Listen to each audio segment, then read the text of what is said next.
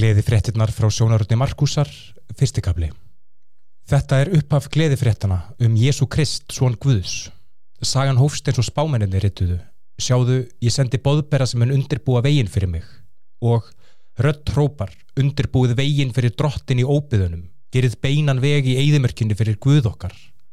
Jóhannes skýrari kom fram í óbyðunum og sagði fólkinu að skýrast til að sína að þau höfðu yðrast og snúið sér til Guðs til að fá fyrirgefningu. Allt fólkið í landi Júta og allt fólkið í Jérúsalem fór til að hlusta á Jóhannes og þegar þau játuðu syndir sínar skýrði hann þau í Jórdan á. Jóhannes var klættur í fötur grófum úlvaldahárum með leðurbeltu mittið og hann átt engisbrettur og villihunang. Þetta var bóðskapur hans. Á eftir mér kemur sá sem er miklu máttur en ég. Ég er ekki þess verður að leysa reymanar á sandölunum hans. Ég skýr ykkur með vatni en hann mun skýr ykkur með heilugum anda. Þá kom Jésu frá Nazaret í Galilegu og var skýrður af Jóhannesi í Jórdaná. Þegar Jésu kom upp úr vatninu sá hann himnana opnast og andin flög niður á hann eins og dúfa og rött kom af himnum sem sæði Þú ert elskaður sonur minn, ég er ánaður með þig. Andin knúði Jésu til að fara út í óbyðirnar þar sem hann dvaldi í 40 daga og Satan fristað hans. Jésu var þar með villidýrunum og englar þjóniðunum. Eftir að Jóhannes var settur í fangelsi fór Jésu til Galilegu og flutti fólki gleði fréttir Guðs. Hann sagði, tímin er komin, konungsriki Guðsir á leðinni, yðrist og trúið gleði fréttonum. Dagitt var Jésu að ganga með fram Galilegu vatni og sá Símon og bróður hans Andres kastat út netum en þeir stunduðu fiskveðar. Jésu sagði, komið og fylgið mér og ég mun láta ykkur stunda mannaveðar. Þeir yfirgáði netunum leið og fylgdónum. Þegar Jésu hefði gengið spölkort lengra sá hann Jakob, svon Sebeda og bróður hans Jóhannes um borði bátað undirbúa netin. Jésu kallaði á þá og þeir yfirgáfi föður sinn sem var eftir í bátnum á samt vinnumönnunum. Þeir fóru til Kapernám og þegar kvildardagurinn rann upp fór Jésu í samgómahús geðinga að kenna. Fólki var furðu lostið yfir kenningum hans því hann kendi eins og einhver sem hefur vald en ekki eins og lögmálskennararnir. Á meðan Jésu var að kenna rópaði andsetin maður upp yfir sig. Hvað vilt okkur Jésu frá Nazaret? Ertu komin til að eigð okkur? Ég veit hver þú ert. Þú ert Guðs heilagi. Jésu hastaði á andan. Þegið þú og farði út á hannum. Óhrinni andin hristi mannin skelvilega og fór út af hann með háu öskri. Fólki var svo furðu lostið að þau spurðu hvert annað Hver er þessi maður? Hann kennir nýja kenningu og það með valdi. Hann skipar meira sig á óhrinnum öndum að fara og þeir líðunum. Frettetar um Jésu bárust hratt um alla galilegu. Þegar þeir yfirgáðu samgómuhúsið fóru þeir með Jakobi og Jóhannesi heim til Símonar og Andresar. Tengdamóður Símonar lág í rúminu með sóttita og þeir sögðu Jésu frá hennu um leið og hann kom. Jésu fór til hennar, tók í hönd hennar og hjálpaði henn að setjast upp. Þá fór sóttutinn úr henni og hún útbjó matandaðum. Þetta kvöld eftir sólsetur kom fólk með öll þau sem voru veika eða haldin yllum öndum til Jésu. Allur bærin sapnaði saman fyrir utan dyrnar. Jésu læknaði margt fólk af alls konar veikindum. Hann rak líka út marga illa anda en hann lefiði ekki öndunum að tala því þeir vissu hver hann var. Eldsnemmaðu um morgunin meðan það var ennþá myrkur fór Jésu út til að vera einn og byggja. Símón og hinnir fóru að leita á hann og þegar þeir fundan sögðu þeir það er allir að leita þér. Jésu svaraði förum til hinna þorpana hér í kring svo ég geti flutt þeim bóðskapin líka. Það er ástæðan fyrir því að ég kom. Jésu fórum alla galilegu kendi í samkomiðhúsunum og rak út illa anda. Maður með holdsveiki kom til Jésu fór niður á nýjan og bað hann ef þú vilt gerðu mér hreinan á holdsveikinni Jésu vorkendunum og réttu út höndina snerti mannin og sagði ég vil, verður hrein maðurinn reynsaðist um leiða fólksveikinni Jésús sendi hann í burtu með þessum varnaðarorðum. Ekki segja neinum frá þessu heldur farðu til prestana, síndu þeim að þú hefur hinsast og færðu þakkafórnina sem Mósi skipaði fyrir um, til að prestanir viti að þú hefur hinsast. En maðurinn fór þessi stað út og sagði öllu fólki sem hann hitti frá því sem hefði gæst. Vegna þessa gæti Jésú ekki farið inn í nokkurt bæ, heldur valdi hann fyrir utan bæina, en fólki kom samt til hans, allstaðar frá. Annarkabli. Nokkrum dögum síðar snýri Jésú aftur til Kapernám og það fréttist út að hann væri komin aftur. Svo margt fólk sapnaðist saman þar sem Jésu var að það var hverki pláss, ekki eins og fyrir utan dyrnar og Jésu kendi þeim orð Guðus. Fjórir menn komið þangað með lamaðan mann sem þeir báru á milli sín á móttu. Þar sem mannfjöldin var slíkur að þeir komu manninum ekki inn, fóru þeir og opnuðu þakkið og slökuðu manninum neður inn í húsið. Þegar Jésu sá trú þeirra saða með lamaðamannin, Sónur, syndir þínar eru fyrirgefnar. Lögmálskennarar sem sátu þar hugsuði með sjálfum sér af hverju talar þessi nángi svona, hann guðlastar, það getur enginn fyrirkefið syndinum að guð. Jésu vissu um leið hvað þeir hugsuði hjörtum sínum og sagði við þá af hverju eru þið að hugsa svona, Hvort er auðveldara að segja við lamaðan mann syndir þínar eru fyrirgefnar eða að segja statt upp, taktu móttuna og gaktu. En ég vil að þið vitið að mannsónurinn hefur vald á jörðu til að fyrirgefa syndir. Jésús snýri sig þá að lamaða mannunum og sagði statt upp, taktu móttuna og farið heim. Maðurinn stóð upp, tók móttuna og gekk út svo allt fólkið sá hann. Þetta gerði öll þau sem voru vitnað þessu aktofa og þau lofsungu Guð og sögðu aldrei nokkuð tíman höfum við séð eitthvað þessu líkt. Þá fór Jésu út af vatninu og kendi mannfjöldunum sem kom til hans. Þegar hann gekk í burtu kom hann að staðinum þar sem skattar voru innhemtir og sá þar Levi, svo hann alfeusar. Fyldu mér, saði Jésu við hann og Levi stóð upp og fylgd honum. Jésu og lærisveinarnir voru í kvöldmatt heima hjá Levi á samt mörgum skattinemdumönnum og öðrum syndurum. Því mörg af þeim sem fylgdu Jésu voru slikt fólk. Þegar að lögmálskennararnir sem voru farísar sá Jésu vera til borðs með syndurum og skattinemdumönnum spurðu þeir lærisveinans af hverju deilir hann matarborði með skattinemdumönnum og syndurum? Þegar Jésu heyrði þetta saðan við þá Það er ekki heilbritt fólk sem þarf að lækna, heldur þau sem eru veik. Ég kom ekki til að kalla rétt átt fólk, heldur syndara. Lærisvennar Jóhannesar skýrara og farisatnir föstuðu og fólk kom til Jésu og spurðan af hverju fasta lærisvennar Jóhannesar og farisana en þíni lærisvennar fasta ekki? Jésu svaraði þeim af hverju ættu gestir brúðgumars að fasta meðan giftingarveislan er ennþá í gangi? Gestirnir fasta ekki meðan brúðgumin er ennþá hjá þeim en sá tímuminn koma þegar brúðgumin verður tekinn frá þeim. Þá munu lærisvennar mínu fasta. Nýjar bætur eru aldrei settar á gömul klæði, annars ripnar nýja bótin af þegar hún hleypur og skilur eftir sér starra gaten var í byrjun. Og nýtt vín er aldrei sett í gamlar vínhúðir, því þá myndi vínið rífa húðurnar og bæði vínið og húðin fara til spillis. Nei, nýtt vín er sett í nýjar vínhúðir. Kvildardaginn fóru Jésu að lærisveinarnir um kornakur og meðan lærisveinarnir gengu tóku þeir nokkur korn af akrinum og átu. Farisatnir sögðu þá við Jésu, sjáðu hvað lærisveinar þínir er að gera, þetta má ekki á kvildardegi. Jésús svaraði, hafið ekki lesið hvað Davíð gerði þegar hann og menn hans voru svongir. Davíð fór inn í hús Guðus á tímum Abjathars aðista prest og átt skoðunarbröðin sem er ólöglegt fyrir aðra en prestana að geta og gaf af þeim til þeirra sem voru með honum. Og Jésús bætti við, kvildardagurinn var gerðu fyrir mannin en ekki maðurinn fyrir kvildardaginn. Þannig er mannsónurinn líka herra kvildardagsins. Þriði kapli. Eitt sinn þegar Jésú var í samkomuhúsinu sá hann þar mann með vistna hönd Farisarnir fyldust með Jésu til að sjá hvort hann myndi lækna á kvildardegi, svo þeir getu ágjert hann. Jésu sagði við mannin með vissnu höndina statu upp svo allir sjáu þig.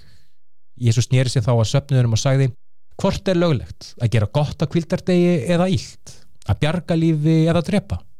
En fólki þagði. Jésu leiti kringu sig og rittist yfir því hversu þrjósk hjörtu þeirra voru, en sagði við mannin með vissnu höndina rétt út höndina. Maður er rétt út höndina og hún var læknuð. Þá fóru farisætnir út og fóru að leggja á ráðin með fylgismönnum Herodesar hvernig þeir getu drepið Jésu. Jésu fór á samt lærisveinum sínum aða vatninu og fjöldi fólks frá Galilögu fylgdi þeim. Þeirra fréttist af öllu því sem Jésu var að gera, dreif fólk að frá landi Júta, Jérúsalem, Ídumeu og landinu hinum einn við Jordana og í kringum Týrus og Sítón. Jésu sagði lærisveinum sínum að gera lítinn bátilbúin fyrir sig svo fólki kremdi hann ekki, því hann hefði læknað margt fólk þannig að öll þau sem voru haldin einhverjum sjúkdóm þrýstu fram til að snertan. Alltaf þeirra ítlir andar sá hann fjallu þeirri framfyrir honum og rópuð uppi við sig Þú ert svonur Guðs! En hann skipaði þeim að segja ekki frá því. Jésu fór upp í fjallslið og kallaði á þá sem hann vildi að kemja með sér. Hann útnæmdi tólfur hópnum og kallaði þá postula eða sendibóða sína. Þeir myndu fylgjunum og hann myndi senda þá út til að bera út bóðskapin og hann gaf þeim vald til að reka út ítla anda. Þetta eru þeir tólf sem hann útnæmdi. Símon sem hann kallaði Pétur, Jakob, sonur Sepeta og Jóhannes bróður hans Þeim bræðurum gaf hann nafnið Þrjumusinnir, Andres, Filipus, Bartolomus, Mattias, Tómas, Jakob Alföðusson, Þattius, Símonur sjálfstæðisreglunni og Júta Ískarjót sem sveikan. Eitt sinn fór Jésu inn í hús nokkuð þó svo mikið að fólki sapnaði saman að lærisveinir gátt ekki eins og niður borðað. Þegar fjölskylda Jésu heyrði af þessu öllu, reyndu þau að neyðan til að fara með sér því þau sögðu, hann er búin að missa vitið og lögmálskennarni sem komu frá Jérúsalm sögðu hann er andsetin, Belzebul er í honum herra djöflana, þess vegna getur hann reykið út ítla anda en Jésu kallaði á þá og talaði við þá í dæmisögum. Hvernig ætti Satan að reyka Satan út? Ef konungsríkið er klófið í innbyrðist deilum þá getur það rík ekki staðið. Ef fjölskylda er klófin í deilum þá endist svo fjölskylda ekki. Og ef Satan er á móti sjálfum sér klófin í innbyrðist deilum þá endist hann ekki heldur er endur hans komin eða lítið á þetta á þennan hátt. Ef einhver ætlar að ræna sterkan mann þarf að binda sterkamannir fyrst þá er hægt að ræna húsans. Ég segi ykkur satt að allar syndir fólks verða fyrirgefnar og allt guðlast verður fyrirgefið nema lastmæli gegn heilugumanda. Það verður ekki fyrirgefið. Það er synd með eilívar afleðingar. Þetta sagði Jésu því þeir sögðan hefði óhrinnan anda. Þá kom móðir Jésu og bræður hans, stóðu fyrir utan og sendu skilabóð inn að þau vildu tala við hann. Hópur af fólki sati í kringum hann þegar hann fekk skilabóðin. Móðir þín og bræður þín standa fyrir utan og vilja tala við þig. Jésu svaraði, hver er móður mín og hverjir eru bræður mínir? Hann leiti kringum sig, bentu á fólki sem satt þar í kring og sagði, þetta er móður mín og bræður mínir. Þau sem gera vilja Guðs eru bræður mínir, sýstu mínar og móður mín. Fjórðikabli En var Jésu að kenna við vatnið. Mannfjöldin sem sapnaði saman var slíkur og að Jésu þurfti að fara út á vatnið í bát til að kenna og meðan fólki var á ströndin og hlustaði á hann.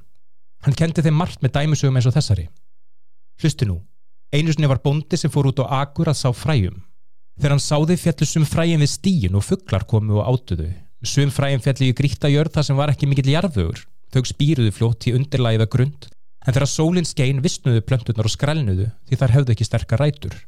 Önnur fræ fjallu í þyrtana sem uksu upp á kæfðuplöndunar, þannig á þeim uks ekkert korn. Ennunur fræ fjallu í góðanjærðug. Þau uksu og af þeim var uppskera sem var 30-falt, 60-falt og 100-falt það sem var sáð. Jésu sagði svo, þau sem hafa eiri til að heyra skulu hlusta og skilja.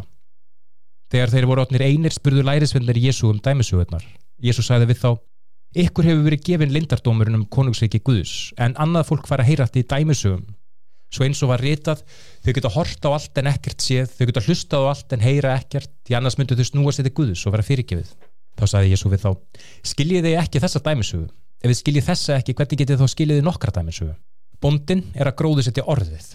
Sumt fólk er eins og fræin sem falla við stíin um leið og þau heyra orðið kemur Satan og tekur það í burtu annað fólk er eins og fræ sem falla í grítajörð þau heyra orðið og taka á móti því með fögnuði en það sem þau hafa ekki sterkar rætur endist orðið bara í stuttastund Um leið og erfileikar og ofsóknir hefjast vegna orðsins falla þau í burtu. En annað fólk er svo fræ sem er sáð meðal þyrtana. Þau heyra orðið en áhyggjur lífsins, tálsín, auðavana og eftirsókn í jarnaska hluti kemur á kæfir orðið sem ber ekki ávöxt. Síðan er fólkið sem er svo fræ sem falla í góðajörð. Þau heyra orðið, meðtaka það og af þeim kemur uppskera sem er 30-falt, 60-falt og 100-falt það sem var sáð. Þá spurði Jésu lærisveinana, setið þið lampa undir skálið undir rúm? Auðvitað ekki. Lampar eru settur á ljóstekur því það sem er falið mun verða ofinbyrða og það sem er lokað mun verða opnar þau sem hafa eiru til að heyra skuli hlusta og skilja Jésu held áfram því betur sem þið hlustið því meiri skilning munu þau öðlast og ykkur verður gefið enn meira þau sem hafa munu fá meira en þau sem hafa ekki munu missa jafnvel það sem þau hafa Jésu saði líka konungsriki Guðs er svo bondi sem dreifir fræjum á jörðina frægin spýra og vaksa dag og nótt hvort sem bondin sefur að þeir vakandi og bondin veit ekki hvernig það gerist jörðin framleiðir sjálfu uppskjöruna Fyrst kemur stöngullin, svo kemur aksið og lokum þroskast kornið. Um leið og kornið er þroskað beitir bondin sigðinni á það vegna þess að þá er komið að uppskeru. Jésu held áfram. Hverju getur við líkt konusiki Guðsvið eða hvaða dæmisu er hægt að nota til að lýsa því? Það er eins og sinnepsfræ sem er minnst allra fræja jarðarinnar. En þegar því ég sáð vext þá verður að tré sem er starra en plöntur garsins með svo stóra greinar að fugglar geta leitað skjóls í skuggum þeirra.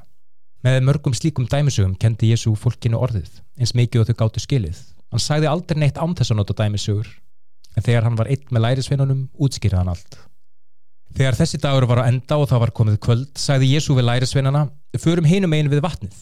Þeir skildu hópin eftir og heldu af stað á samt nokkur um öðrum bátum en fljótlega skall á gríðar mikill stormur. Háar öldurnar brottuði yfir bátin sem fór að fyllast af vatni. Jésu var í skuttnum, sofandi með höfuðið á púða. Lærisveinir vöktan með því að öskra Kennari, er þið sama þótt við sem að fara að drukna? Jésu stóð upp, hastaði á stormin og sæði við öldurnar, hafið ykkur hægur og Jésu sæði við lærisveinuna af hverju voru þið hrettir, skortir ykkur ennþá trú? Þeir voru skelvingu losnur og spurðu hvernig annan hver er þessi maður, jafnvel vindar og öldur hlýðun Femtikabli Þeir fóru yfir vatnið til lands gera senna um leið og Jésu steg frá borði mættu honum maður haldin íllum anda sem kom til hans úr gröfunum. Maður þessi bjói í gröfunum og ekkert gætt bundið hann lengur, ekki eins og með keðjum. Því hann hefði oft verið bundið með keðjum en hann sleitar í sundur og sleiti hjártun af fótunum. Engin var nógu sterkur til að halda honum niðri. Dag og nótt var hann hjá gröfunum og upp í hæðunum, öskraði og skar sig með grjóti. Þegar maðurinn sá Jésu í fjaska kom hann hlaupand og fjall framferir honum og öskraði hans hátt og hann gat Hvað viltu mér Jésu, sonur þess hæsta, í Guðs nafni ekki kvelja mig? Því Jésu hefði sagt við ítla andan, farðu út af manninum, þú ítli andi. Þá spurði Jésu, hvað heitir þú? Hann svaraði, nafn mitt er Hersveit, við við erum margirandar og hann grátbað Jésu aftur og aftur að senda sig ekki úr héræðinu. Stór svínahjörð var á beit í brekkuskamt hjá og ítlu andarnir grátbáðu Jésu Send okkur í svínin, leið okkur að fara í þau. Hann gaf þeim leifi og ítlu andarnir fóru út af manninum og í svínin. Hjörðin um það byrj 2000 svín hljópnuður bratta brekkuna og ofan í vatni þar sem svínin druknuðu Svínahyrðarnir hlupu í burtu og sögðu frá þessu í bænum og í sveitinu og fólki kom til að sjá hvað hefði gest Þegar þau komið til Jésu sáu þau mannin sem hafi verið andsetin af herdildin af íllumöndum, sitjandu og klættur með réttur ráðu og fólki var hrætt. Þau sem höfðu orðið vitnað þessu sögðu fólkinu hvað hefði komið fyrir mannin sem var andsetin og sögðu þeim líka frá svínunum. Þá sorpað fólkið Jésu að fara í burtu og láta þau í friði. Þegar Jésu var að stíga aftur um borð sárbandi maðurinn sem hefði verið andsetinum að fá að fara með honum. Jésu lefði honum það ekki en sagði við hann farðu í þína heimabygð og segðu fólkinu þínu hversu mikið drottin hefur gert fyrir þig og frá miskunnseminni sem hann syndi þér. Maðurinn fóru og sagði fólkinu í tíborgunum hversu mikið Jésu hefði gert fyrir hann og fólki var fyrður lostið. Þegar Jésu var komin aftur yfir vatnið myndaði stór hópur í kringum hann á ströndinni og einn af leðtúanum í samgömmu húsinu á svæðinu, Jairus að nafni, kom þangað þegar hann sá Jésu fjallan fram fyrir fætur hans og sagði við hann kvíðafullur Litta dótti mín liggur fyrir dauðunum, gerðu það komtu og legðu höndin á hann svo hann læknist og lifi. Jésu fór með honum. Mikill mannfylgdu fylgdu og eftir og þrýsti á hann. Þar í hópnum var kona sem hefði verið á blæðingum í 12 ára án afláts. Hún hefði þurft að þóla mikið af hendi margra lækna og eitt í þá öllu sem hún átti, en í stað þess að batna vestnaði henni. Þegar hún heyrði af Jésu kom hún aftan á hennum og snerti kirtilinans því hún hugsaði, hef ég bara snerti kirtilinans minni læknast. Um leið stöðvaðist blæðingin og hún fann á líka með sínum og hún var frjálsundan þjáningu sinni. Jésu áttaði sig strax á að kraftur hefði farið út af hennum. Hann snýri sig við og spurði hópin, hver snerti klæði mín? Lærisvennar hann svöruðu, þú sér það, fólki þrýstir á þig úr öllum áttum en samt spurðu hver snerti mig? en Jésu held áfram að líti kringu sig til að sjá hver hefði snert kirtilinas. Þá kom konan, vitandi hvað hefði gest, skjálfandi til hans og fjall fram fyrir fætur hans og sagði hann sannleikan. Jésu sagði við hana, dóttir, trúð þín læknaði þig, farðu í fríðu og verðu frjáls frá þjáninguðinni. Á meðan Jésu var að segja þetta kom fólk frá húsi í Jærusar og sagði, dóttir þín er dáin, ekki ónáða kennara lengur. Jésu heyrði þetta en sagði, ekki vera hrettur, hafðu bara trú. Jésu lefði engum að fylgja sér nema Pétri, Jakobi og Jóhannesi, bróður Jakobs. Þegar þeir komið að húsi samkomiðleitu hans sá Jésu fólk gráta og æpa af sorg. Hann fór inn til þeirra og sagði af hverju eru með öll þessi sorgarlæti barnið er ekki dáið heldur svofandi en þeir hlóa á hann. Eftir að hafa vísað þeim út fór hann með föður og móður barsins og lærisveinana inn til barsins. Hann tók í höndin á henni og sagði Talitha kum sem þýðir statu upp stúlka. Um leið stóð stúlkan upp og gekk um en hún var tólvara. Þau sem sáu þetta voru gössamlega agdofa af undrun Jésu skipaði þeim að segja engum frá þessu og sagði þeim svo að gefa stelpuna að borða. Sjötti kabli Jésu yfirgaf það hér áður hjælt til heimabæjar síns á samt lærisveinunum. Næsta kvildardag kendi hann í samgómihúsinu og mörg þeirra sem heyrða hann tala voru stein hissa og spurðu hvaðan fekk þessi maður þessa þekkingu? Hvaða viskar þetta sem honum er gefin? Hvað er þessi kraftaverka þýða sem hann framkamir? Er þetta ekki smiðurinn? Er þetta ekki Sónur Mari og bróðir Jakobs, Jósefs, Júta og Símonar? Eru systras ekki þetta meðal okkar? Og þau reyttust honum. Jésús sagði við þau spámenn eru allstaðar mikil smetnir nema þessinni heimabygð meðal ættingja sinna og heima hjá sér. Jésú gæti ekki framkvæmt neinn kraftaverk þar nema að leggja hendur sínar og nokkra veika sem læknuðust. Hann undraðist trúleysi þeirra og Jésú fór þorpur þorpi og kendi Hann kallaði saman lærisvinnana tólf og sendi þá út tvo að tvo og gaf þeim vald til að reka út illa anda. Jésús sagði við þá takið ekkert með ykkur nema gungustaf, ekki brauð, ekki farteski, enga peninga í buttunni verið í samtölum en ekki með auka född hvert sem þið farið, verið í sama húsinu þar til þið farið þaðan. Og ef einhver staður vill ekki taka mót ykkur eða hlusta á ykkur farið þá þaðan. Og dusti ríkið af fótum ykkar þeim til vittisburðar Lærisvinnir fór út og fluttu fólki yðrunar bóðskapin þeir rák út marga illa anda og smurðu vekt fólk með ólíu og læknuðu þau. Herodes kongur heyrðu um allt þetta því nafn Jésu var árið vel þekkt. Sumt fólk sagði Jóhannes skýrari hefur verið reistur frá döðum og þess vegna er að með þennan kraftaverka mátt annað fólk sagði hann er Elja og enn annað fólk sagði hann er spámaður eins og spámennið sem voru í gamla daga. Þegar Herodes heyrði þetta sagði hann Jóhannes sem ég let hálsöka er risinu frá döðum því Herodes hefði látið handtaka Jóhannes og setja í fangelsi. Hann gerði þetta vegna Herodísar konu bróður síns Filipussar sem hann hefði gengið í hjónaband með. Því Jóhannes hefði sagt til Herodes það er ólulegt fyrir að taka konu bróðurins. Herodísi gramdist þetta og vildi láta drepa Jóhannes en hún gataði ekki vegna Herodesar Herodes var hrettur við Jóhannes því hann vissi að Jóhannes veri réttlátur og heilagur maður og hann let ekkert koma fyrir hann. Þegar Herodes hlustaði Jóhannes var þann undrandi en líkaði samt vel að hlusta á hann. Að lokum fekk Herodís tækifærið. Í ammælisveislu Herodisar, þar sem voru saman komnir allir helstur ráðamenn og borgarar Galilegu, kom dóttir Herodísar og dansaði fyrir Herodes sem gladdi hann mjög og gesti hans. Kongurinn sagði því við hana, hvað viltu fá? Ég skal gefa þér hvað sem þú vilt. Og hann lofaði henni með því að sverja eið. Ég skal gefa þér hvað sem þú vilt, alltaf hálfu konungstæmi mínu. Stúlkan fór og ráðfæri sig við móðu sín og spurði, hvað ætti ég að byggja um? Móðurinn að svaraði, höfuði Jóhannesar skýrara. Stúlkan hraðaði sér aftur til kongsins og heimtaði, ég vil að þú gefið mér hér og nú höfuði Jóhannesar skýrara og fati. Þetta hrigði kongin en hann gati ekki neitað henni vegna eðsi sem hann sór fyrir fram en gestina. Kongurinn kallaði á Böðulinn og skipaði hann um að koma tilbaka með höfuð Jóhannesar. Böðulinn fór í fangelsið og hjó höfuðið af Jóhannesi, kom með þá á fati og let stúlkuna fá höfuðið. Hún gaf það svo móðu sinni. Þegar lærisvinnar Jóhannesar frettu þetta komið þeirra tóku líkið og grófuð það.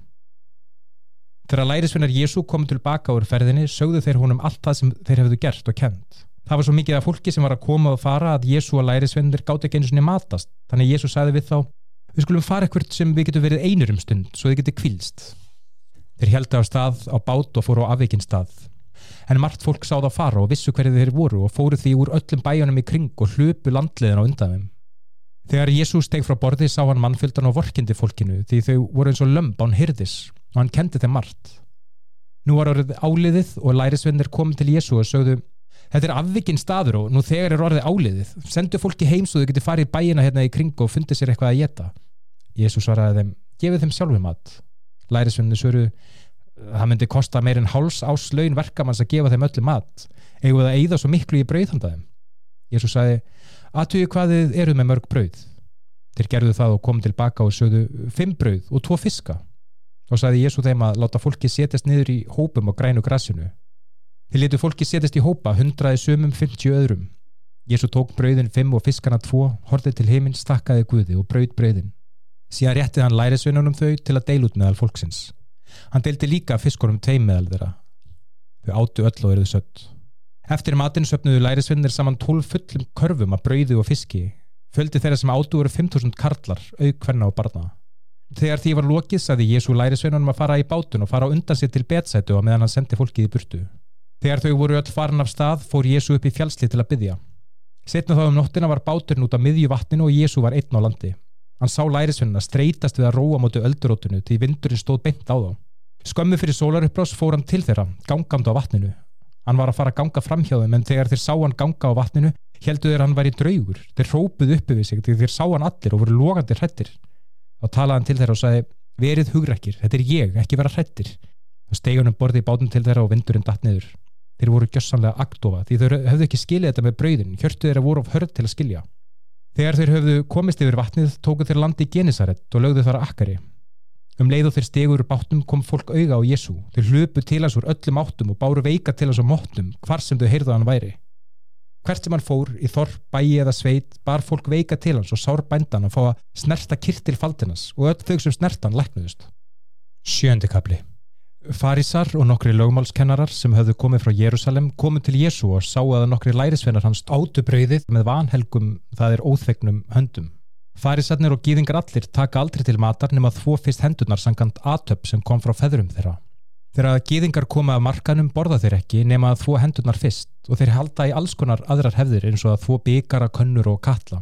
Farísarnir og lögmálskennarnir spurðu því Jésu af hverju halda lærisuna þín er ekki hefðir forföðran og matast með höndum sem er ekki búið að hreinsa með aðtöfn Jésús svaraði Jésæi hafi rétt fyrir sig þegar hann ritaði spátumannum ykkur hræsnarna því ritaðir þetta fólk heiðra mig með vörunum en hjörtu þeirra eru langt frá mér. Þau tilbyðja mig til einskist því kenningar þeirra eru ekkert um að reglur manna. Að við hunsa bóður Guðus en haldið í hefðir manna. Og Jésú held áfram þið eru sérfræðingar í afneita lögum Guðus til að halda í ekkert eigin hefðir. Til dæmis aðeins Mósi heidraðu föðu þinn og móðu þína og hver sem blótar föðu sínum eða móðu sinni skal demdu til dauða. En þið segið það í lægi að fólk segi við fólkdra sinna því miður get ég ekki hjálpað ykkur því ég hef lofað Guði þeim peningu sem ég hefði getað hjálpað ykkur með þannig leifið þið fólki að neyta fólkdram sínum um aðstóð þið brjótið þannig gegn orðið Guðs til að halda í eigin hefðir og þið gerir margt sem er þessu líkt þá saði Jésu mannfjöldunum að koma nær og saði hlusti á mig öll og skilji þetta Það er ekki það sem fer inn í líkamann sem vanhelgar hann, heldur er það sem kemur úr hjartanu sem vanhelgar fólk. Jésu skildi við mann földan og fór inn í húsn okkur. Lærisveinandi spurði hann þá hvað dæmis að hann þýtti. Jésu svaraði, skiljið þetta ekki heldur sjáuð ekki að ekkert getur vanhelga mannesku sem kemur utanfrá því það fer ekki inn í hjarta heldur ofin í maga og þaðan út úr líkamannum Jésu held áfram, það sem kemur frá manneskunni vanhelgarna því að innan úr hjarta manneskunar koma ítlar hugsanir, lauslæti, þjófnaður, morð, framhjóhaldi, græðgjað, óskoðurum íls, blekkingar, lostafutta langanir, öfund, baktal, hróki og slemt omgrind. Allt þetta kemur innan frá og óhrengar. Jésu fór í byrtu og hjælt til Týrus. Hann vildi halda því lindu hvar hann dvaldi en það var ómögulegt. Um leið kom kona til hans og fjett við fætur hans því dóttir hennar var haldinn íllum anda. Konan var grísk frá sílensku föniku. Hún gráðbað Jésu að reka ítla andan út af dóttir sinni. Jésu saði við hana Ég þarf fyrst að gefa börnum hennar eigin fjölskyldu gíðingunum að borða. Það er ekki gott að taka mat barnan og að gefa hundunum. Konan svaraði Herra það er rétt en samt fá hundarnir að geta afgangunum sem detta að borði barnana. Jésu svaraði henni Þú hefur svarað vel. Ítli andin er farin af dóttiðinni. Hún fór heim og dóttirinn að lág í rúminu laus við ítla andan. Þá yfirgaf Jésu Týrus í gegnum Sítón, niður að Galilögu vatni og til svæðisins í kringum Tíborgir. Fólk kom með hirtnulesan mann sem gæti varla að tala til Jésu og fólki grátt baðanum að leggja hönd sín á mannin. Jésu leti mannin í burtu frá hópnum og setti fingurinn í eiraðunum. Þá vætti Jésu fingur sinn með munvatni og snerti tungumannsins. Jésu leit upp til heimins, andvarpaði og sæði effa það eða opnaðstu. Við þetta opnaðist eiru mannsins. Það losnaði um tungan svo hann fór að tala. Jésu sæði fólkinu að halda þessu lindu en því meira sem hann bað þau því fleirum sögðu þau frá. Fólki var þrjumu lostuð og sagði allt sem þessi maður gerir er gott. Hann kefur mér sér með heyrtnalusum heyrtn og málusum málið. Áttundi kapli. Stuttu eftir þetta hefði aftur myndast mikill mannföldi. Þau höfði engar mat og Jésu kallaði því á lærisveinan og sagði Ég vorkinu þessu fólki, þau hafa verið hjá mér í þrjá daga og hafa engar mat. Ef ég sendu þau í burtu svung, getur þau nýja niður á veginum því sum þeirra komið langt að. Lærisveinu svöruðu, en hvar á þessum afskekta staðættu að finna brauð sem myndi duga fyrir allt þetta fólk? Jésu svaraði, Hversu mörg brauð eru þið með? Sjö, svöruð þeir. Jésu saði fólkin að setjast á jörðuna og tók brauðin sjö, þakkaði Guðu og brautu og rétti lærisönunum til að dreif út meðal fólksins. Þeir voru líka með nokkra smáfiska og Jésu þakkaði Guði líka fyrir þá og saði lærisönunum að dreifa þeim. Fólki borðaði og þau urðu öll sött. Eftir matinn söpnuðu lærisvinnir saman sjö fullum körfum afgangum. Í hópnum þennan dag voru 4000 karlar, aukvenna og barna. Eftir matinn sendi Jésu þau heimti sín og hjælt ásamt lærisveinum sínum á bát í hér að Dalman úta. Farisarnir komnu og fóru að rökraða við Jésu. Til að reynan báðu þeir hann um tákn af himnum. Jésu dæstu og sagði, af hverju byður þetta fólk um tákn? Ég segi ykkur satt, ykkur verður ekki gefið neitt tákn. Síðan fór Jésu aftur yfir vatnið á bát. Lærisveinir höfðu glimt að taka með sér brauð fyrir utan eitt brauð sem þau voru með í bátnum. Jésu sagði á sömu stundu, passið ykkur á súrdegi farisa og fylgismanna Herótesar lærisveinir rættu sín á millu og sögðu hann segir þetta því að við höfum ekkert brauð. Jésu gerði sig grein fyrir hvað þið voru að ræða og sagði við þá af hverju eru þið að tala um að þið hafið ekkert brauð? Skiljið ekki ennþá, eru hjörtu ykkar ennþá svona hörð? Hafið þið augu sem sjá ekki og eiru sem heyr ekki? Munið ekki sem hefur gæst þeir brauð, brauðin 5, handa 5.000 hversu marga körfi tókuð þið saman með afgangum 12, sögðu þeir og þeir brauð 7 brauð handa 4.000 hversu marga körfi voru eftir með afgangum 7, sögðu þeir Jésu sagði þá við þá eru þið ekki ennþá fartir að skilja? Þeir komið til betsætu og fólk komið blindan mann til Jésu og sár báðanum að snerta mannin og læknan. Jésu tók í höndina á blindamanninum og leytið hann út fyrir þorpið. Jésu skirti í augum mannsins og settu hendur sínar á hann. Jésu spurði hann svo, sér það eitthvað? Maðurinn leiti upp og sagði, ég sé fólk, þau eru svo trésum gangum. Jésu setti hendunar aftur á augans, þá opnuðist augun og maðurinn fekk sjónina og sá allt skilt. Jésu sendi mannin heim til sín og sagði hann um að fara ekki inn í þorpið á leðinni. Jésu og lærisvendir heldu áfram í þorpinni kringum keisaríu Filipíu. Á leðinni spurðan þá, hver heldur fólkið að ég sé? Þessu eru, sumi segju sért Jóhannes skýrari, aðri segja Elí og aðri segju sért einna spámanunum. Jésu spurði þá, en hvað með ykkur? Hver segir þið að ég sé? Pétur svaraði, þú ert Messias. Jésu varaði þá við að segja fólki frá því. Jésu fór þá að segja þeim að mannsónurinn þyrta að þóla margt og vera hafnað af öldungunum, aðstuprestunum og lögmálskennurunum og hann yrði að vera drepinn en myndi rísu frá döðum á þriðadegi. Hann sagði þetta hreint út. Pétur tók hann afsíðis og ámyndan fyrir að segja slíka hluti. Jésús nýri sig við og leiti lærisvennan og skammaði svo Pétur. Farðu frá mér Satan, þú hefur áhyggjur af jarneskum hlutum en hugsa ekki um það sem tilheri Guði. Jésú kallaði þá mannfjöldan og lærisvennana til sín og sagði Þau sem vilja vera lærisvenna mínir þurfa að afneta sjálfinu og bera sinn kross og fylgja mér. Því þau sem vilja bjarga lífi sín á jörðinni munu týna því en þau sem týna lífi sínu mín og gleði fréttana vegna munu bjarga því. Því hvað græður þú á að eignast allan heimin ef þú glatar sálðinni? Eða hvað er hægt að nota til að kaupa sáluna sína? Ef einhver skamma sín fyrir mig og bóðskap minn á þessum tímum framhjóhalds og syndar, mun mannsónurinn skamma sín fyrir þau frammi fyrir dýrð föðu síns og heilugum englum hans. Níundi kapli Jésús sagði þá við þau, ég segi ykkur satt, sum ykkar sem standa hér mun ekki deyja fyrir þau sjá konungsriki Guðs koma með krafti. Og sextuðum setna tók Jésú Pétur, Jakob og Jóhannes með sér upp á hátt fjall þar sem þeir voru einir. Þá umbreyðist hann fyrir augum þeirra, klæði hans urðu skjanna kvít, kvítar en nokkuð sem manneski geti gert og þar byrtust þeim Elíja og Móse sem töluði við Jésú. Pétur sagði þá við Jésú, Rabbi það er gott að við erum minna, reysum þrjú tjöld, eitt fyrir þig, eitt fyrir Móse og eitt fyrir Elíja. Hann sagði þetta því hann vissi ekki hvað hann ætti að segja. Þeir voru svo skelkaður. Þá byrtist skí sem huldi þá og rött komur skínu sem sagði, þetta er sonurinn minn sem ég elska, hlustið á hann. Þegar þeir letuði kringu sig var skindilega enginn þar nema Jésú. Þegar þeir gengur niður fjallið skipaði Jésu þeim að segja ekki frá því sem þeir höfðu séð fyrir mannsónurinn hafði verið reisturi frá döðum. Þeir heldu þessu lindu en rættu sín á milli hvað það þýtti að vera reisturi frá döðum. Og þeir spurðan, af hverju segja lögmálskennarinn er að fyrst fyrir Elíja að koma? Jésu svaraði, vissulega kemur Elíja fyrst og gerir allt tilbúið.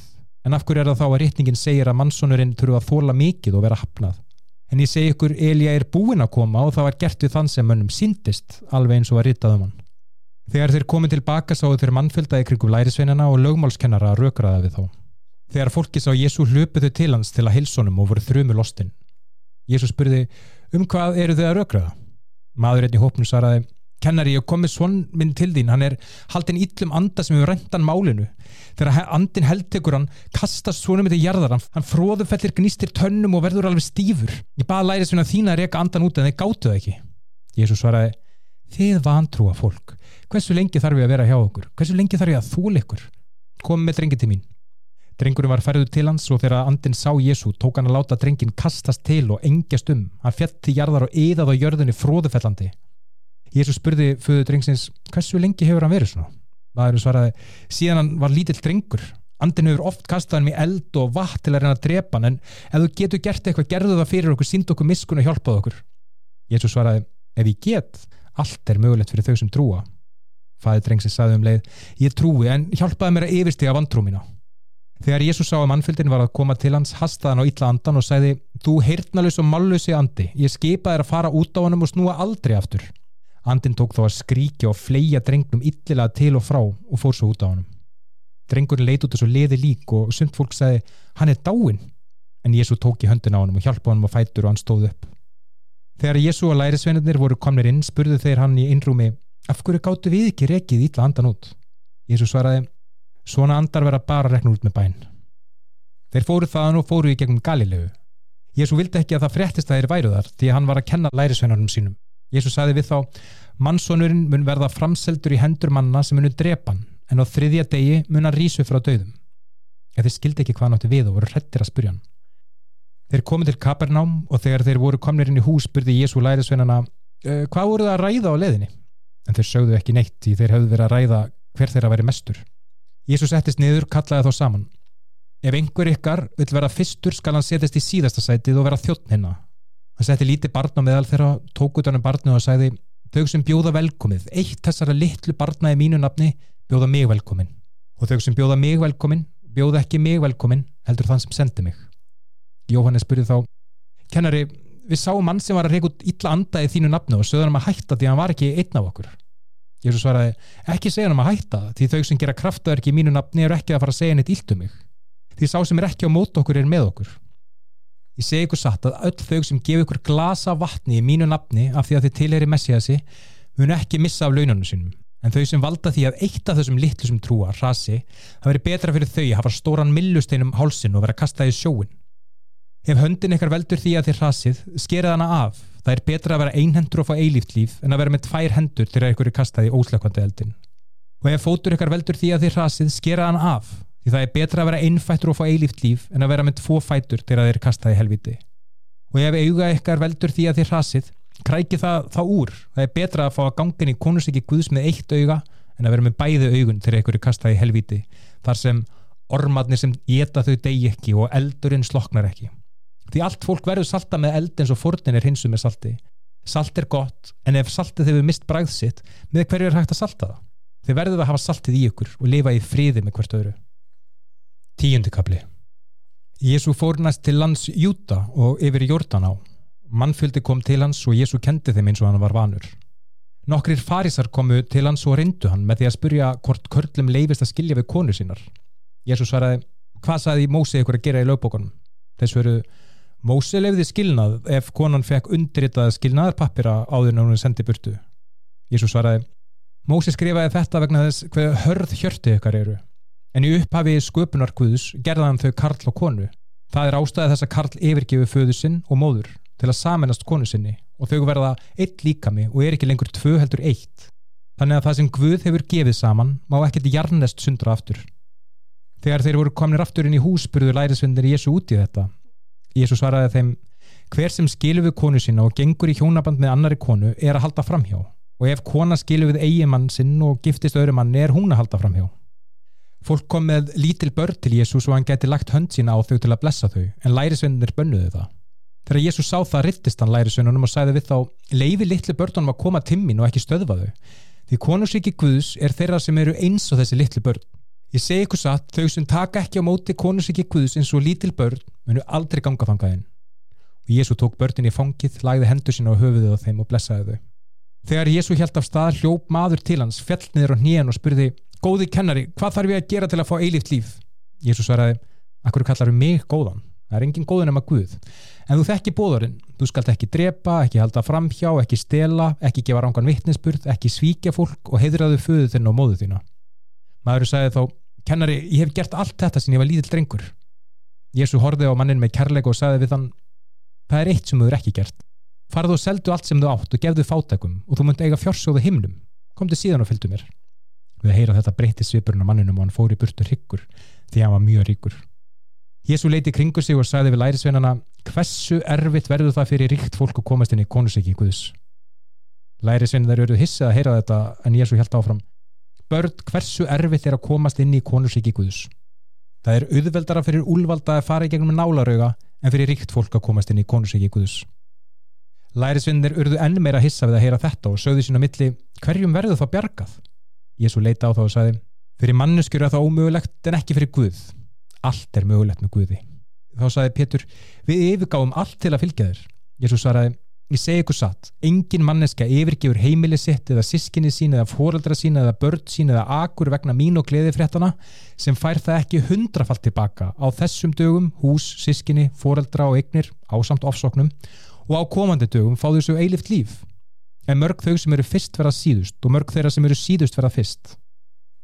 Þeir voru á leiðin til Jérúsalem með Jésu í brotti fylkingar og lærisveinaðir voru gáttaðir og fólki sem fylgdu eftir var skelvingu lostið. Jésu tók þá tólf af síðis og endur tók það sem myndi koma fyrir hann. Jésu sagði við þá, við erum á leiðin til Jérúsalem og mannsónurinn mun verða framseldur til æðstuprestana og lögmálskennarana, þeir munu dæman til dauða og færa hann heiðingjónum sem munu hæðast að hann um hrækja á hann hýðan og drepan að þriðja degi mun að rýsa upp frá döðum. Þá kom Jakob og Jóhannes sinni sepeta til Jésu og sögðu við þann kennari, við viljum byggja þau um nokkuð. Jésu svaraði, hvað vilja þið gera fyrir ykkur? Bræðinu svöruðu, lefiðu öðrum okkar að setja við hægri höndina og hinu við vinstri höndina þegar þú ert sestur í dýrlegt hásættið þitt. Jésu svaraði, þið vitið ekki hvað þið er að byggja um. Gætu þið drukkið af þeim byggar sem ég er að fara að drekka og skýrast þeirri skýrt sem ég er að fara að skýrast. Þið svöruðu, við getum það. Jésu svaraði þeim þá, Þið munu drekka af þeim byggar sem ég mun drekka af og skýrast þeirri skýrt sem ég mun skýrast. En hver situr mér til hægrið að vinstri, það er ekki fyrir mig ákveða. Guð hefur gefið það þeim sem hann hefur valið. Þegar hinn er tíu heyrðu þetta rittustir bræðrunum. Jésu kallaði þá saman og sagði Þið vitið að þeir sem teljast vera valdhafar heiðingjana kann næfa yfir þá og hátsettir meðal þeirra ríka yfir þeim með valdi En láti það ekki vera þannig meðal ykkar. Heldur skal sá sem vill vera mikill meðal ykkar vera þjótt hinna og sá sem vill vera mestur meðal ykkar skal vera þræll hinna. Því ekki einu svoni mannsónurinn létt þjóna sér heldur kom hann til að þjóna og til að gefa lífsitt sem lausnargjald fyrir margt fólk. Næst fóru þeir til Jeríkó og þegar þeir fóru þaðan á miklu mannfjölda satt blindur maður sem hétt Bartimus við veginn og betlaði. Þegar maðurinn heyrði að það væri Jésu frá Nazaret sem væri þar á ferð, rópaði hann Jésu, sonur Guð, syndu með miskun. Mart fólki hópnum hastaði á manninu og saðan maður þegja en hann rópaði ennherra Sonur Davíð, syndu með miskun. Jésu namn staðar og sagði kallið á hann fólki kallaði mannin og sagði Þaktu gleðið þína, statu upp, hann er að kalla eftir þér Maðurinn hendi yfirhöfnin til hliður og stökk á fætur og fór til Jésu Jésu spurði hann, hvað vilt að ég geri fyrir þig? Blindi maðurinn svaraði, Rabbi, ég vil sjá Jésu sagði við hann, þú getur farið. Trúðín hefur bergaðir og maðurinn fekk sjónin og fylgdi Jésu 11. kapli Þegar Jésu og lærisveinarnir nálguðust í Jérúsalem og voru við bæina Betfagu og Betaníu við Ólífufjall sendi Jésu tvo lærisveina á undan og sagði við þá farið í þorpi þarna og um leiðuði komið inn í það munuði sjá östnufóla sem enginn hefur setið. Leysið hann og komið með hann hinga ef einhver spyr ykkur hvað er það að gera? segið þá herran þarfan og mun skilunum aftur en hann skams þeir fóru tveir og fundu östnufóla standand og götunu bundin við dittnar meðan þeir leistu hann spurði fólk sem stóð þar hjá hvað er það að gera, af hverju er það að leysa östnufólan þeir svöruði eins og Jésu hefði sagt og fólki lefið þeim að fara. Þegar þeir komið til Jésu með fólan settu þeir yfirhafni sínar á hann og Jésu settist á bak. Mikið af fólki lagði yfirhafni sínar á veginn á meðan annað fólk lagði þar greinar sem þau hefðu skorið af ögrónum. Þau sem gengur fyrir framann og þau sem gengur fyrir aftan rópuðu Hósanna, blessaður sá sem kemur í nafni drottins, blessa sér komandi konungsíki föður okkar Davís, Hósanna, dyrsi guði og hæsta heimni. Jésu fór inn í Jérúsalem og inn í musterisgarðin. Hann leitar í kringum sig en þar sem það var orðið áliðið fór hann til Betaníu með hinum tólf. Næsta dag þegar þeir voru að fara frá Betaníu var Jésu svangur. Hann sá í ferska fíkutri og fór að aðtuga hvort einhverju ávöxtir væru á trénu. Þegar hann kom að því sá hann ekkert nema löfluðin því að þessum tíma árs uksu ekki fíkur. Jésu sagði þá í fíkutrið Aldrei skal nokkur geta ávöxti þína aftur. Lærisvendir heyrðu Jésu segja þetta. Þegar þeir komið til Jérúsalem fór Jésu inn í musterisgarðin og rak þá út sem voru að stunda þar viðskipti. Hann snýri við bortum gjaldkerna og bekkjum þeirra sem selja dúfur og lefði ekki að neitt varningur væri borin í musterisgarðin. Og Jésús sagði, er ekki ritað hús mitt á að vera bænahús fyrir allar þjóðir, en þið hafi gert það að þjófabæli. Æðistu prestarnir og lögmálskennarnir heyrðu þetta og fóru að leggja ráðin um hvernig þeir gætu drepið Jésú. Þeir hrættust hann því fólki var upprefið yfir kenningum hans. Þegar kvölda tók fóru Jésú að lærisvennir út úr borginni. Morgunin eftir fóru þeir fram hjá fíkutríinu sem hafði vistna frá rótum. Pétur myndi það sem Jésu hafði sagt og sagði því við hann Rappi, sjáðu, fíkitriðið sem úr bölvaðir er vissnað. Jésu svaraði, treystu Guði.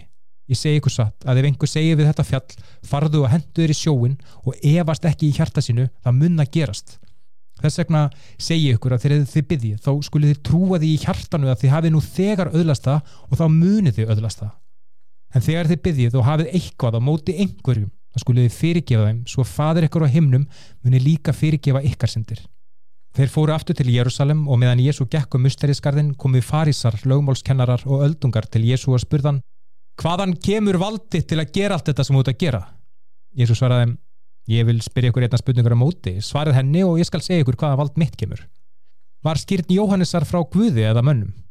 Þeir töluðu sína á millu og sögðu Ef við segjum hún að við komið frá Guði mun hann spyrja okkur við trúðunum ekki en fórum við að segja hann að komið frá mönnu vegna fólksinn sem trúur að Jóhannes var spámaður þannig að þeir sögðu við Jésu að þeir vissu það ekki Jésu sagði við þá ég mun þá heldur ekki segja ykkur hvaðan vald mitt kemur Tóltikabli Jésu sagði þeim þá dæmisög maður nokkur til vinnvið hann byggði veggi kring gróf skurð fyrir vinnpressun og byggði varturn síðan leiði hann út vínagrun og hjælt til annars lands Þegar það var komin tími fyrir uppskeru sendi hann þjónsinn til leiguliðana til að fá hlut sinn í ávöxtum vínagrunnar. En leiguliðanir tóku þjónin, börðan og sendi hann í burtu tómhendan. Þá sendi maðurinn annan þjón til þeirra og þeir fóru illa með hann og börðu hann í höfuðið. Þá sendi maðurinn enn annan þjón og leiguliðanir drápu hann. Marga aðra sendi maðurinn til vínagrunnar, sumi voru landir, aðri drefnir. Að lokum var bara einn eftir til að senda, heitt elskaður svonur mannsins. Hann sendi hann og hugsaði með sér þeir munu virða són minn. En leigulegaðin sögðu hver við annan Þetta er erfingin, förum og drepum hann að þá eignustuðu arfin. Leigulegaðinir drápi sónin og hendur hann út fyrir vínagruna. Hvað heldur nú að eigandin geri? Hann mun koma, láta drepa leigulegana og fá öðrum egruna á leigu. Hafi ekki lesið þetta í rytningunni? Steinin sem smiðirnir höfnuðu er orðin hortsteinin. Það var drottin sem let það gerast og hversu undursamlegt er það í okkar augum. Þá fóru aðstuprestarnir, lögmálskennarnir og öldungarnir að leita leiða til að láta handtaka Jésu því þeir vissu að hann var að tala gegn þeim með dæmisögunni. En þeir óttuðust fólkið og fóru því í burtu. Síðar sendu þeir nokkra farísa og fylgismenn Herodesar til Jésu til að reyna að hanga ná einhverju sem hann sagði. Þeir sögðu við Jésu, Kennari, við vitum að þú ert maður réttlátur, þú fer ekki í manngreiningar álit og kennir veg Guðs í sannleika, en hvað segjur, eiguðu að borga skatti keisarans eða ekki? Ættu að borga eða ekki borga? En Jésu kom auðu á hræstnið þeirra og spurða móti, af hverju eru þið að reyna að leiða mig í gildru? Rétti mig pening og leiði mér að skoðan. Þeir tóku pening og rétt honum og Jésu spurði, hvaða mynd er þetta á peningrum og hvaða áliturinn er þetta? Þeir svöru, það mun vera keisarans. Þá sagði Jésu við þá, gefið þá keisarun það sem keisarun á og guði það sem guð á þeir eru aktofa við svarinu þá komu sattúkar trúarleituar sem segja að fólk rýse ekki upp frá döðum og spurði Jésu kennari, Móses ritaði í lögmálinu að ef bróður manns deyr og skilur eftir sig eiginkonu en þau ekki bart þá skal bróðurinn ganga eiga konun og viðhalda nafni bróðusins hugsum nú að séu sjöbræður Elsti deyr, giftur og ballaus, næst elsti bróðurinn gengur þó eiga konuna en hann deyr líka og það sama gerist með þann þriðja. Þetta heldur áfram þar til þeir hafa allir verið eigimenn konunar og að lokum deyr konan líka. Þegar kemur að þessari upprissu hver þeirra er eigimaður hennar þegar þeir hafa allir sjögengið að eigana? Jésús svaraði, þið eru hér í villu af því að þið þekki korki rittningarnar nýja mátt Guðs. En þegar að hinn dánu rísu frá döðum munu þau ekki ganga í hjónaband, heldur vera eins og englar. En varðandi upprisuna, hafið ekki lesið í Mósebókanum í frásögninni af logandi runanum að Guð segir við Mósi, ég er Guð Abrahams, Guð Ísaks og Guð Jakobs. Hann er ekki Guð döðra, heldur lifandi. Þið eru í mikilli villu. Einn af lögmálskennurunum stóð hjá og hlustaði á raukraðunar. Hann sá að Jésús svaraði vel, þannig hann spurði, af öllum bóðorðunum, hvert er að er mikilvægast? Jésús svaraði, Mikilvægasta búðarðið er þetta. Hlustið og Ísrael drottin Guð, það er hinn eini Guð. Þú skalt elska drottin Guð með öllu hjartaðinu, allri sáluðinu, öllum hugaðinum og öllum mættiðinum Annað búðarðið er elskið annað fólk eins og sjálf ykkur. Engin búðarðið eru mikilvægir en þessi. Lögumálskennarinn svaraði velmælt kennari, þú hefur sagt sattur og segir að það er bara eitt Guð og engin annar og að elska hann með öllu hjarta af öllu mætti og annað fólk eins og sjálf okkur er mikilvægir en allar fórnir. Þegar Jésu heyrði að maðurinn hafi svarað vitulega saði Jésu við hann Þú ert ekki langt frá konungsíki Guðs. Frá þessari stundu spurði þeir Jésu ekki að neinu framar.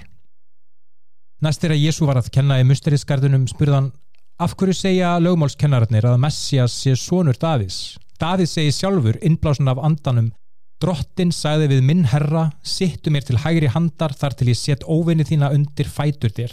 Ef Davíð kallar Messias herra minn, hvernig getur Messias þá verið sonur hans? Mannfjöldin hlustaði kenningar Jésu með ánægu. Jésu kendi líka, passið ykkur á lögumálskennurinnum. Þeir hafa ánægu af því að gangum í glæsilugum síðkirtlum og vera heilsaða virðingu á torkum og hafa bestu sætin í samkomiðhúsinu og veri heiðusæti í vistlum. Þeir get upp heimili ekna og byggja langar bænir til að sínast. Vegna alls þessa mun refsing þeirra verða hardari. Jésús settist nálat samskota kistunni og sá fólk setja pening í kistuna. Mikið af ríku fólki seti háarfjárhæðir í hana. Þá kom fátak ekki og settið í kistuna tvo smápeninga. Jésú kallaði saman lærisveinan og sæði Ég segi ykkur satt, þessi fátaka ekki hefur gefið meira en öll hinn því þau gáði lítinn hluta af ríkidæmi sínu en hún gaf allt sem hún átti til að lifa af. 13. kapli Þegar Jésu var að fara úr musturinu saðið lærisveinana við þann sjáðu kennari alla þessa risastóru steina því líkar byggingar sem þetta eru. Jésu svaraði sjáðu þessar miklu byggingar ekki verður eitt stein eftir þeir munu allir hinja. Síðar satt Jésu á ólífifjalli í dalnum hinum megin við musterið. Pétur, Jakob, Jóhannes og Andres komið til að spurðu einslega segð okkur hvenar mun þetta allt eiga sér stað? Hvaða ták mun segja okkur að þetta sé að fara að gerast?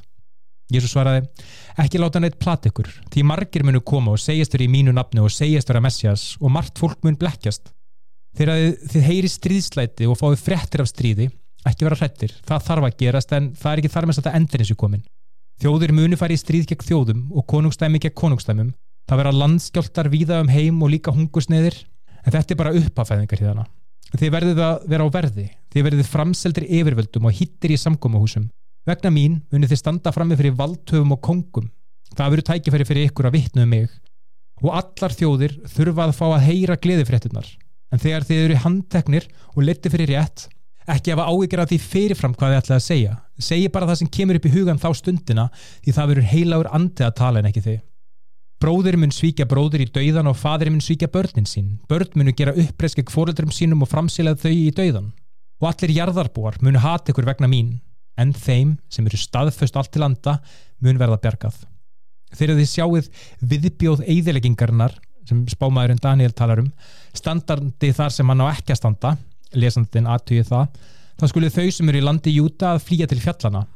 Þau sem verða upp á þaksvölum skulle ekki fara aftur inn til að ná í nokkuð hlut. Þau sem eru að vinna út á akri skulle ekki fara tilbaka ná í yfirhöfnina. Hversu hræðilegt verður að vera þunguð á þessum dögum eða með barn á brjósti? Og byggjið að þið þurfið ekki að flýjum vetur því þetta verða hræðilegri tímar en nokkuð tíman áður frá því að Guð skapaði heiminn. Og aldrei aftur munur enna upp slíki tímar. Raunar verða þið þannig að ef Guð myndi ekki stýta tíman myndi ekki ein, einasta manneski að komast lífsaf. En vegna hennar útvöldu mun Guð stýta tíman. Ef einhver segir við þig á þessum dögum sjáðu, þannig er Messias eða sjáðu, hér er hann, ekki trúa þeim því margir fals Messiasar og fals bámenn munu koma fram og framkama tákn og undur til að blekja, jafnvel hinn útvöldu. Þannig verið á verði og vakandi því ég hef sagt ykkur fyrirfram að þetta muni gerast.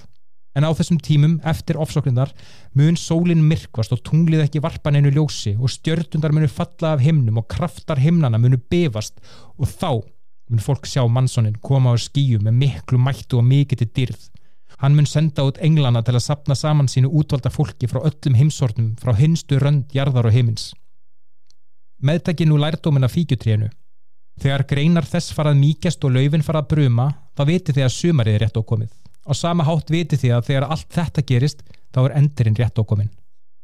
Ég segi ykkur satt að þessi kynnslóð mun ekki hverfa áður hún sér alla þessa hluti gerast.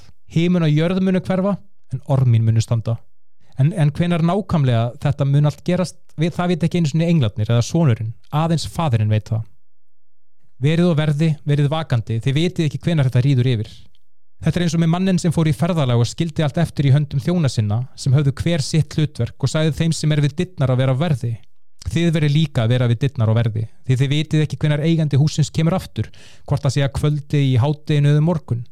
Ekki láta hann koma að ykkur sofandi þegar hann kemur án viðvörunar það sem ég segi við ykkur segi við hverja einustu mannesku verið á verði 14. kapli Tveimur dögum fyrir páska og hátíð ósýrðu brauðana voru æðstu prestarnir og lögmálskennarinnir að ráða ráðum sínum hvernig þeir gætu látið handtaka Jésu með lind og drepan. Þeir sögðu sín á milli við getum ekki gert það meðan hátíðin er fólki geti gert uppreist. Á meðan Jésu var í Betanju heima hjá Símoni Holtzveika kom til hans kona með mjölkursteins krukku með dirri ilmólíugur nardusrót. Hún braut krukkuna og heldi ilmólíunni yfir höfuð Jésu. Sum þeirra sem voru viðstödd sögðu nixlu við hvert annað af hverju að láta þessa dýru ólíu fara til spillis. Það hefur verið hægt að selja henni fyrir meira en ástlaun verkamanns og gefa svo peningin fátakum. Og fólki gaggrindi konuna harlega. En Jésu saði við þau, látið konuna í friði, af hverju eru þau ángrana? Það sem hún hefur gert fyrir mig er fallegt fátakt hafið þið alltaf hjá okkur og þið getið hjálpað fátakum að vild hvena sem þið viljið en mig hafið þið ekki alltaf hjá okkur hún gerði það sem hún gat og heldi ilmólíu yfir mig til að undirbúa mig fyrir greftrun. Ég segi ykkur satt hvar sem gleði fréttunar berast um heiminn mun fólk heyra af því sem hún gerði fyrir mig í minningum hana. Þegar Júta Iskarjót einnina tólf sá þetta fór hann til aðstu prestana til að svíkja Jésu í hendur þeirra. Þeir voru heiminn lifandi yfir því og lofaði hann um peningum og hann fór að leita eftir rétta tækifærinu. Á fyrsta degi háttíðar ósýrðubröðana var venjana fórna páskalambi því spurðu lærisvindinir Jésu hvar vilti að við undurbúum páskamáltíðina fyrir þig? Jésu sendi þá tvo lærisvinn og sagði við þá farið inn í borgina og þeir munu mæta manni sem ber vasker, eldið hann. Segi svo við eiganda húsin sem hann fer inn í. Kennarinn spyr hvar er gestaherbyggið þar sem ég get notið páskamáltíðirnar á samt lærisvinnum mínum? Hann mun þá sín ykkur á efri hæð stóran sal þar sem allt er til alls. Undirbúið páskamáltíðin okkar þar. Lærisveinarnir fóru inn í borginu og fundu allt eins og Jésu hefði sagt og undirbyggu páskamáltíðina. Þegar kvöldatók kom Jésu þanga með lærisveinum sínum. Við borðið staði Jésu, ég segi ykkur satt, einn af ykkur mun svíkja mig. Þeir urður higgir og sögðu hver af öðrum, hann getur ekki áttið mig. Jésu svaraði, það er einn af ykkur tólf, einn af þeim sem deilir brauðinu og dýfir því í sömu skálu ég. Mannsónurinn mun deyja eins og rittningin sagði fyrir um lungu síðan en hversu hræðilegt er að vera sá sem svíkur hann það væri betra fyrir hann að hafa aldrei fæðist á meðan þeir áttu tók Jésu brauð og eftir að hafa þakka Guði brauð hann það og gaf lærisveinum sínum og sagði taki þetta brauð, það er líka með minn Síðan tók Jésu byggar og eftir að hafa þakka Guði rétti hann lærisveinunum og þeir drukku allir af honum og Jésu sagði Þetta er blóð mitt, blóð sáttmálan sem er útelt til að bjarga fjöldafólks. Ég segi ykkur satt, ég mun ekki drekka af ávexti vinnviðarins fyrir en sá dagur rennur upp að ég drekki hann nýjan í konusriki Guðs. Eftir að hafa sungið sálm fóru þeir á Ólifufjall þar sem Jésu sagði Þið munuð yfirgefa mig því það er ritað ég mun slá hyrðin og sögðirnir munuð tvistrast en þegar ég verð uppriðsinn fer ég á undan ykkur til Galilegu. Pétur lísti þá yfir, þó allir yfirgefið þig, mun ég aldrei gera það. Jésu svaraði honum, ég segi þér satt, í dag, áður en hann er galar tvísvar, myndu afnita mér þrísvar. En Pétur tók enn fastar á orði, jafnvel þótt ég þurfa að deyja með þér, mun ég aldrei afnita þér. Og þeir töluðu allir á sama hátt. Þeir fóru þá á stað sem kallast Getsemanni og Jésu saði við lærisveinana, setjið hér meðan ég byggð Hann tók Pétur, Jakob og Jóhannes með sér og fór að verða mjög órólegur og fullir á angist. Jésús sagði við þá, Sálminn er full af svo yfirþyrmandi sorga ég ræðvalla við það. Verið eftir hér og verið á verði. Jésú gekk aðeins frá og fjettir jarðar og baða ef það væri mögulegt, hvort það væri hægt að leysa hann undan því sem beðans. Abba, fadir, þú getur allt, taktu þennan byggar frá mér. Þú ekki það sem ég vil, heldur það sem þú vilt.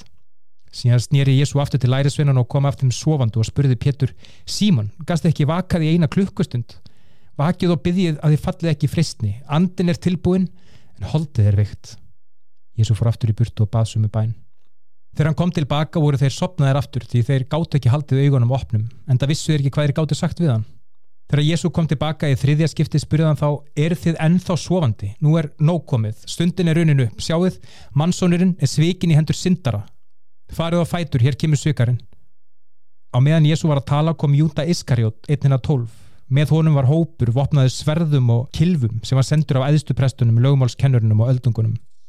Svikarinn hafði undirbúið merki til að gefa þeim með því að segja sá sem ég kissi er maður sem þið leitið að. Hand ekki hann og leiði í burtubundin Júta Iskarjót gekk upp að Jésu og sagði Rabbi og kist hann Hópurinn greip Jésu og handtókan Þá tók einn af þeim sem stóði þar hjá upp sverð og skar eirað af einum þjóni aðstaprestins. Jésu spurði, er ég glæpamaður eða af hverju komið þið að handtaka mig vopnaðir kilvum og sverðum? Ég satt með ykkur og kendi í musterisgarðunum og þið handtóku mig ekki. En rittningin verður að rætast. Þá yfirgáðu allir Jésu á flúðu. Ungur maður sem var bara í línkirtli fylgdi Jésu og hópur er reyndið að handtaka hann en ungi maðurinn komst undan með því að afklæðast kirtlinum og flýja nakinni burtu. Þeir fóru með Jésu heim til aðstapressins þar sem allir aðstu prestatnir, öldungarnir og lögmálskennararnir voru samankomnir. Pétur fylgdi í humátt og eftir alveg inn í gardinni á aðstaprestunum. Þar sat hann með vörðunum og iljaði sér við eld. Inni sáttu aðstu prestatnir og allt öldungaráðið og leituði að sönnunagögnum gegn Jésús og þeir getur látið drepan en þeir fundu ekkert. Margir báru ljúvitni gegn honum en frambyrðu þeirra bara ekki saman. Þá stóð maður nokkur upp og bar þetta ljúvitni gegn Jésú.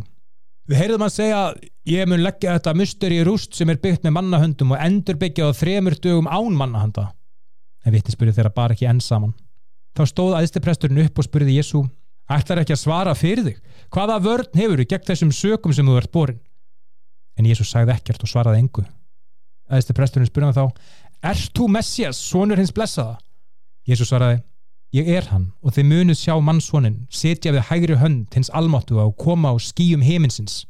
Æðisti presturinn reyf föti sinn til að sína nexlu sín og spurði Þurfu við fleiri vitni því hafi hirt guðlastið, hvað haldið þið? Þeir svöruðu, hann er segur, hann á skilað að deyja. Þá hræktu þeir á Jésu bundu fyrir augans og börðan með nefum og sögðu Spáðu nú fyrir okkur. Og verðirnir börðu Jésu og tók hann í burtu. Á meðan þessu stóð var Pétur út í gardinum og einn þjónustutúlkan gekk fram hjá og þegar hún sá Pétur ilja sér virtunan fyrir sér og sagði Þú varst líka með þessum frá Nazar, þessum Jésu. En hann neytaði og sagði Ég veit ekki hvað þú talum. Og Pétur fórað inganginum. Þegar þjónustutúlkan sá hann þar, sagði hún aftur við þá sem stóðu þar Þessi náingi er einn af þeim. Aftur neytaði Pétur. Eftir smá stund sögðu þeir sem stóðu hjá Þú hlýtur að vera einn af þeim því þú ert frá Galilu. Pétur sór þá eið megi ég vera bölfaður ef ég er að ljúa ég þekki ekki þennan mann sem þið eru að tala um. Þá galaði hann í annað skiptu og Pétur myndi það sem Jésús sagði áður en hann í gala tvísvar myndu afnita með þrísvar og Pétur brotnaði saman og greitt 15. kapli Snemma morguns lögðu á ráðinn aðisti presturinn, öldungarnir, lögmálskennarnir og allt öldungaráðið. Þeir bundu Jésú, leittu hann í burtu og færðu Pílatussi Pílatus spurði Er þú gýðinga kongurinn? Jésu svaraði, þú segir það aðeistu prestatnir sökuðu Jésu um margt. Þannig að Pílatus spurði Jésu aftur ætlar ekki að svara, hvað með allt þetta sem þið sakaði um? En Jésu svaraði enn engu og Pílatus undraðist það. Það var hefð á þessum tíma að á páskaháttíðinni fekk fólk að velja eitt fanga til að láta lausan. Barrabas var maður sem var fangilsaður á samt uppristnamönnum sem hefðu drepið manni í uppristinni fólki bað Pílatus um að leysa eitt fanga úr haldi eins og venja var. Pílatus spurði vilja að ég leysa úr haldi gíðingakongin en Pílatus vissi að ástæða þess að Jésu hafi verið framsettu til hans var öfund prestastjættarinnar. Þá fóru prestatnir að æsa upp mannfjöldan til að heimta að fá barrabaslausan. Pílatus spurði þá, hvað á ég þá að gera við þann sem er kallaður gýðingakongurinn? Krossfestan! öskraði hópurinn tilbaka. Pílatus spurði þá, af hverju? Hvaða glæp hefur þessi maður framið? Og fólkið öskraði þá ennhæra, Krossfestan! Pílatus vildi sefa mannfjöldan og listi barrabasur haldi. Hann lit hýða Jésu á framseldan til krossfestingar. Herrmennir leittu Jésu inn í hallargar ríkistjórans og kölluðu heila herrtild saman. Þeir settu hann í fjólubláa yfirhöfn og snýru saman þyrna til að gera kórán og settu á höfðans. Þeir öskuru á hann, heilt sé gýðinga kongnum. Þeir börða hann aftur og aftur í höfuð og hrækt á hann. Þeir fjallu hann híum fyrir framrann og hilt hann í háði. Eftir að hafa hæðst á hannum tóku þeir hann úr fjólubláa yfirhöfnin og sett hann aftur í sín eigin fött og leittu hann til krossfestingar. Maður frá Sýreni sem hétt Símon, fadir Alexanders og Rúfusar átti leið þar hjá úr sveitinu og herrmerinni nittu hann til að bera krossin. Þeir fóru með Jésu á staðin sem heitir Golgata sem þýðir hauskúpustadur. Þeir buðu Jésu vín blandað mirru en hann þáði það ekki og þeir nelda hann á krossin. Þeir köstu upp á hver fengi að eiga fötunas. Þeir krossfestu Jésu um klukka nýju um morgunin. Á ákjæru skjálinu stóð skrifað Þetta er gýðingakongurinn. Tveir þjóar voru krossfestir sikkur megin við Jésu. Fólk sem átti leið hjá hrópaði ókvaðis orðað Jésu þau hristu hausin og sögðu Er þú maður sem ætlaði að gera mustir að rústum og endurbyggja svo að fremtum? Komdu þann hiður á krossunum og bjargaði sjálfum þér? Æðistu prestatnir og lögmálskennarðir töluð á sama hátt og sögðu sín á milli. Hann bjargaði öðrum, en hann getur ekki bjargað sjálfuð sér. Ef þessi Messias, konungur í Ísrael, kemur núna niður á krossunum, þá munum við trúa honum. Þeir sem voru krossvesti með honum töluð eins. Á hádegi skall á myrkur í öllu landinu þar til um þrjú í eftirmiddaginn og um þrjúleiti rópaði Jésu með hári röttu Eli, Eli, lema sabaktani sem þýr Guðminn, Guðminn, af hverju hefur þið yfirgefið mig? Þegar fólki sem stóð þar hjá heyriði þetta sögðu þau Heyriði þetta, hann er að kalla á Elja Engur hljóp til, fylgti svamp með vínættiki, setti þá stöng og bauði Jésu að drekka og sagði svo Býði nú við, sjáum hvort Elja að koma á bjargunum Jésu rópaði með síðasta andadrætti sinum Tjaldið í musturinu ripnaði tvent frá toppið og niður. Þegar herdildarfóringin sem stóð hjá Jésu sá hvernig hann dó sagðan Þetta hlýtur að hafa verið svonur Guðs. Nokkrar konur stóði hjá og horfðu áur fjarlægð. Meðal þeirra var Marja Magdalena, Marja móður Jakobs Yngri og Jósefs og Salome. Þegar þau voru í Galilegu höfðu þessar konur fyllt Jésu og hjálpaðunum. Margar konur sem höfðu komið með Jésu til Jérúsalem voru líka stattar hana. Þetta gerist allt á föstu degi sem er aðfangadagur kvildardagsins. Jósef frá Arimatheu var mikilsvirtur meðlimur öldungaráðsins og beigð sjálfur konusíkis Guðs. Þegar kvölda tók hertið hann upp hugan og fór til Pílatusur og baðum að fá lík Jésu afhengt. Pílatus var hissa að fretta að Jésu væri þó þegar dáin. Hann kallaði hertildarfóringin og spurði hvort Jésu væri dáin. Þegar fóringin staðfesti það, lefði Pílatus Jósef að fá lík Jésu. Jósef fór og kefti líndúk, tók nöðu líkið og vafði því í dúkin og læði Jésu í gröf sem var skorin í stein, sem hann velta hann grjóti fyrir gröfina. Marja Magdalena og Marja móðir Jósefs sáu hvar Jésu var grafin. 16. kapli Þegar kvildardeginu var lokið fóru Marja Magdalena og Marja móðir Jakobs og Salome til gravarnar svo þær getur smurt lík Jésu. Snemma morguns, fyrsta dag vikunar, voru þær á leiðin til gravarnar. Þær spurðu hver aðra, hver ætli geti velt steininum frá gröfinu fyrir okkur? En þegar þær letu upp sáu þær að steininum sem var mjög stór hafði þá þegar verið velt frá gröfinu. Þegar þær fóru inn í gravarhellin sáuð þær ungan mann klættan í kvítan kirtil sitandi hægramegin og þær eruð hrettar. Hann sagði, ekki vera hrettar. Þið leitið að Jésu frá Nazaret sá sem var krossfestur. Hann er risinu frá döðum. Hann er ekki hérna. Hér sjáu þið staðin sem að líkans var lagt. En farið og segið Pétru og lærisvinnunum, Jésu fer á undan ykkur til Galilegu. Þar munið þið sjá hann, alveg eins og hann spáði fyrirum. Konundar flúðu frá gröfinni, skjálfand á beinunum og sögðu ekkert því þær voru svo hrettar. Eftir að Jésu hafði risu upp frá dögdum byrtist hann fyrst Marju Magdalenu sem hann hefði rekið út af sjö illa anda. Hún fór og sagði þeim frá sem hefði verið með Jésu og voru sirkjand og grátandi. Þegar þau heyrðu að Jésu veri levandi og að Marja Magdalen hefði séðan, trúðu þau henn ekki. Eftir þetta byrtist Jésu umbreyttur tveimur fylgismönnum sínum meðan þeir gengu í sveitinni.